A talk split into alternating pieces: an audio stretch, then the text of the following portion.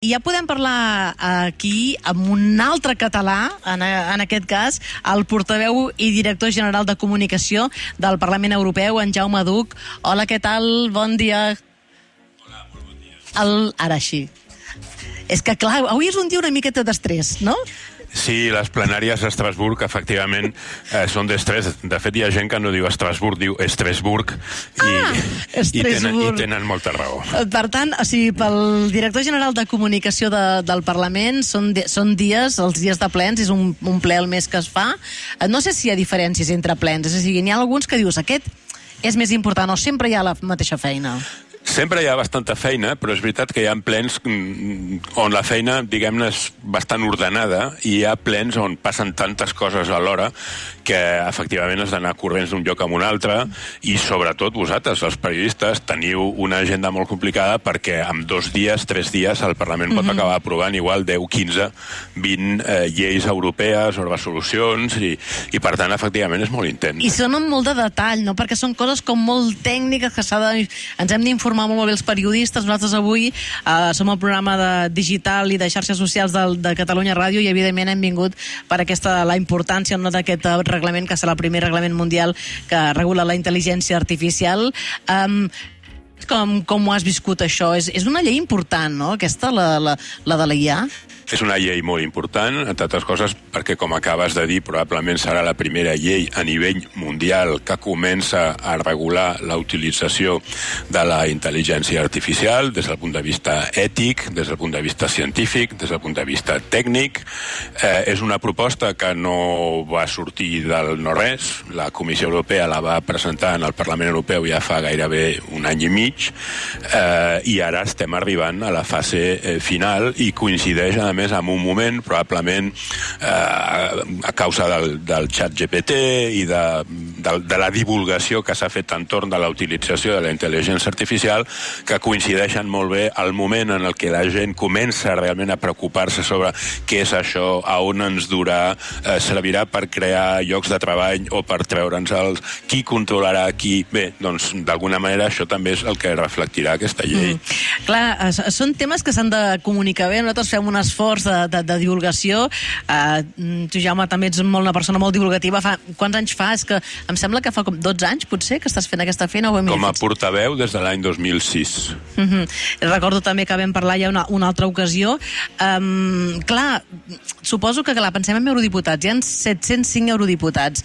En el cas de, de cada llei que és tan específica, hi ha uns ponents concrets que són els que, no?, els que presenten les coses en, en els debats, en, en el ple, no? Però, clar, tu ets el moderador de tots, o sigui, has de saber una mica de tot, no, diríem? Sí, bueno, eh, els que ens dediquem a la comunicació al Parlament, efectivament, doncs tenim que, eh, tenim que tenir en compte una mica tot el que passa. Jo, al final, no sóc l'especialista de res, sóc una mica el generalista de gairebé tot, però no sóc l'especialista de res. Eh, per sort tinc un equip darrere meu, que aquests sí, doncs cadascú va seguint comissions o temes concrets i que per tant saben moltíssim, a vegades saben més que el, que el, que el propi ponent o la, o la ponent, eh, però és veritat que en aquest sentit és un Parlament per una banda molt especialitzat, perquè s'aproven lleis sobre temes eh, de vegades fins i tot tècnicament molt complexes i per l'altra és un Parlament en el que el, els diputats tenen molta autonomia en, la, en, en el moment de treballar eh, i per tant això també els hi permet aquesta especialització avui i ahir he vist que heu estat entrevistant diputades o diputats mm -hmm. que probablement estan entre la gent d'Europa que més sap dels seus temes Clar. perquè se'ls han hagut d'estudiar estudiar en el sentit real de la paraula estudiar i nosaltres doncs efectivament la nostra feina és una mica fer de mitjancers entre ells i, i els mitjans de comunicació. Mm, clar, um, per informar tots els temes uh, del debat del Parlament Europeu d'ahir i avui, uh, a, a més de fer la roda de premsa, que la, la feu també per internet i vam seguir, no? Um, clar, es, es va fer un espai de un Twitter Spaces, per exemple, no? Espais de Twitter. Um, cal anar obrint nous canals per arri arribar al màxim de gent possible des del Parlament? Sí, absolutament. I amb això hi ha un abans Covid i un després Covid.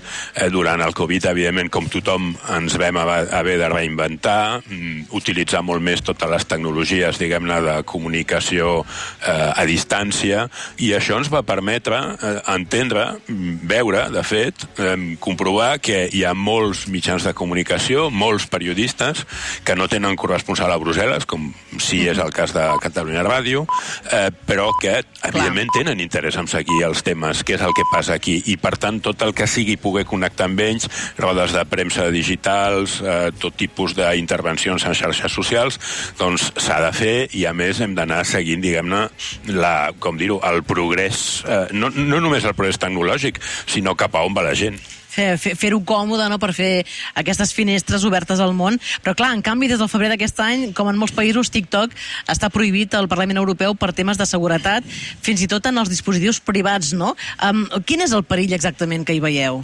Bé, el perill és un perill d'ingerència, és a dir, és que a partir, diguem-ne, dels nostres telèfons, el fet de tenir en el mateix telèfon l'aplicació de TikTok i aplicacions internes del propi Parlament Europeu, que aquests telèfons es converteixin en passarel·les o en portes d'entrada per qui, diguem-ne, qui no té dret a, entrar.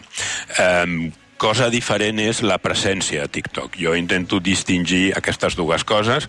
Una és el fet de que nosaltres, efectivament, als nostres telèfons, diguem-ne, d'empresa, per entendre'ns, corporatius, no podem tenir aquesta aplicació.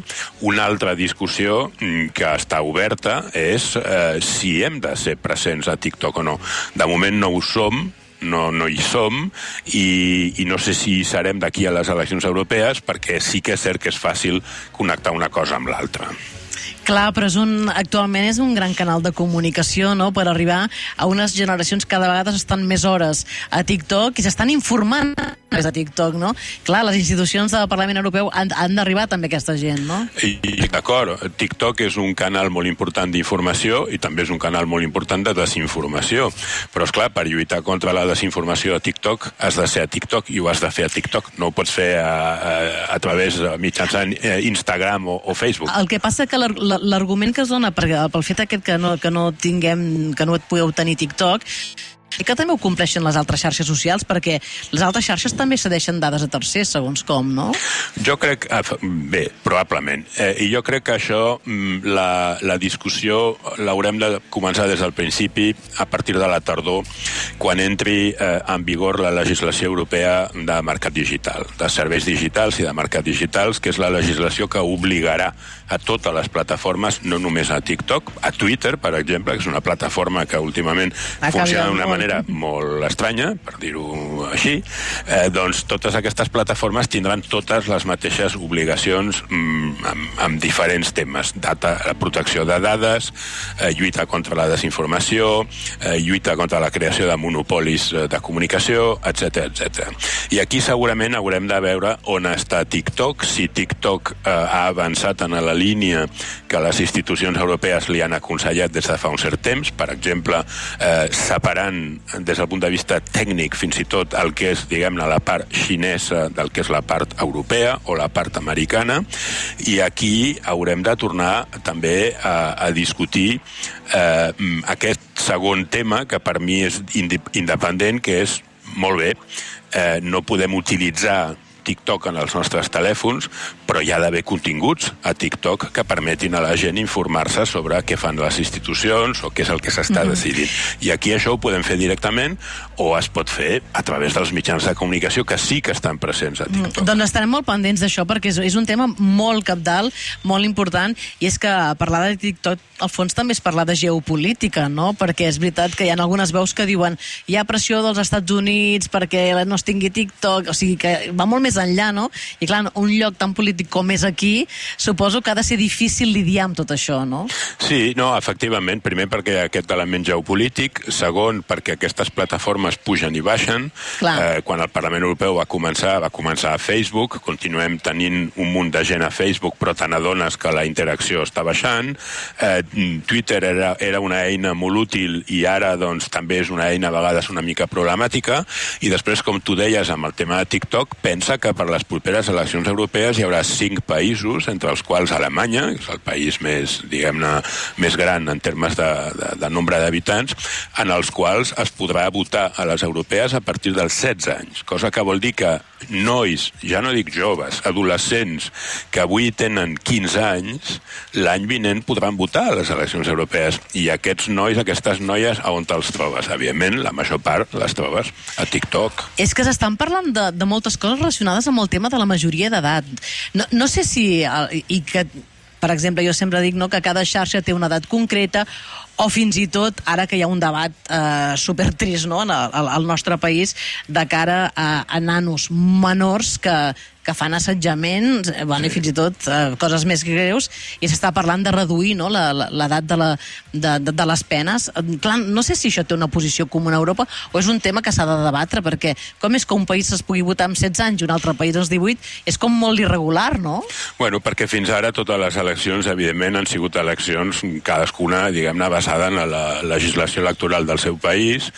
Eh, la primera vegada, diguem-ne, que es posen, es comencen a posar en comú algunes regles, no totes, algunes és per les eleccions al Parlament Europeu, però és veritat que la, fixar, per exemple, no només eh, l'edat per poder votar, sinó també l'edat per poder ser escollit, diputat o diputada Clar. canvia a cada país. Hi ha un intent per part del Parlament Europeu de reformar la llei electoral perquè europea perquè, diguem-ne, reguli moltes més coses i un dels elements que el propi Parlament Europeu està proposant i que haurà de negociar amb el Consell de Ministres és precisament rebaixar l'edat de vot a 16 anys a tots els països de la Unió ah. Europea i no només aquests 5.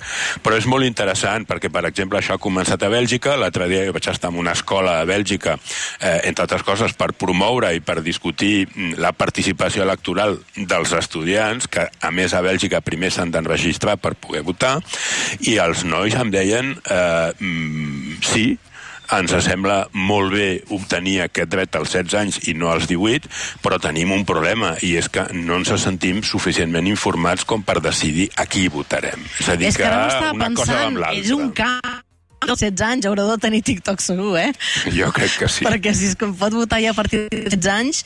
Um, veig que estàs molt enfocat ja de cara a les eleccions del juny de l'any que ve, no? Deus estar treballant ja, ja molt cap aquí, no? Do, um, falta un any, però aquí és com si faltessin, res, una setmana. Estàs pensant... Nosaltres estem pensant en la IA i estàs pensant en les eleccions europees Exacte. perquè és una maquinària. Jaume Duc, portaveu i director general de comunicació del Parlament Europeu, doncs encantada de, de retrobar-nos i això amb unes instal·lacions que ho tenen tot, eh? és a dir, que aquí la premsa podem treballar bé. Eh?